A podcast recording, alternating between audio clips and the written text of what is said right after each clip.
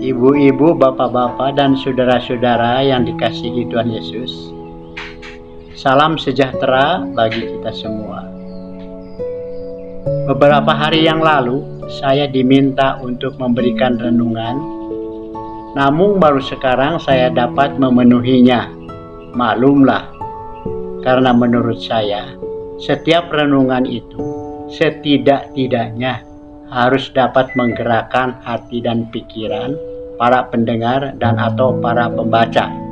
Syukur-syukur kalau langsung dapat melakukannya. Oleh karena itulah saya harus mempersiapkan sebaik-baiknya bahan atau materinya. Ibu-ibu, bapak-bapak, dan saudara-saudara kekasih, saya teringat pada waktu saya dibaptis. Nas baptisan diambil dari Wahyu pasal 2 ayat 10b yang demikian kata-katanya. Hendaklah engkau setia sampai mati dan aku akan mengaruniakan kepadamu mahkota kehidupan. Kalimat setia sampai mati itulah yang menjadi bahan atau materi dalam renungan saya ini. Banyak orang yang baik hati tetapi Allah mencari yang lebih baik dari itu, yaitu orang-orang yang setia. Setia sepertinya sesuatu yang sangat-sangat mahal dan sangat-sangat langka. Demikian kata pemazmur. Ibu-ibu, bapak-bapak, dan sudah-sudah kekasih, apa sesungguhnya arti dan makna kata setia? Menurut saya, setia itu sifat, watak, kepribadian seseorang. Orang yang setia adalah orang-orang yang bertanggung jawab, berani menanggung risiko, bahkan berani pula mengorbankan jiwa raganya. Kesetiaan demikianlah yang dimiliki Tuhan Yesus. Ketaatan dan kesetiaannya kepada sampai mati di kayu salib karena melakukan segala apa yang diperintahkan Bapaknya.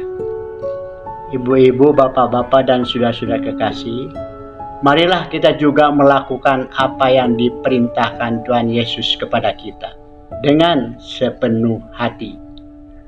Inilah yang diperintahkan Tuhan Yesus kepada kita. Yang pertama, menyangkal diri, menanggung salib. Dilihat Matius pasal 16 ayat 24 saling mengasihi pasal Roma pasal 12 ayat 10 saling mengampuni bersyukur berdoa.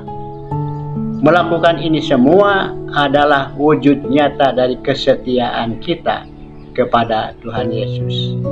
Dan ini berarti kita akan dikaruniai hidup yang kekal yaitu hidup bersama dengan Allah kita lihat Yohanes pasal 14 ayat 6 dikaruniai hidup walaupun sudah mati berarti kita akan mengalami hidup dua kali dan mati satu kali. Lihat Yohanes pasal 11 ayat 25 hal kebangkitan.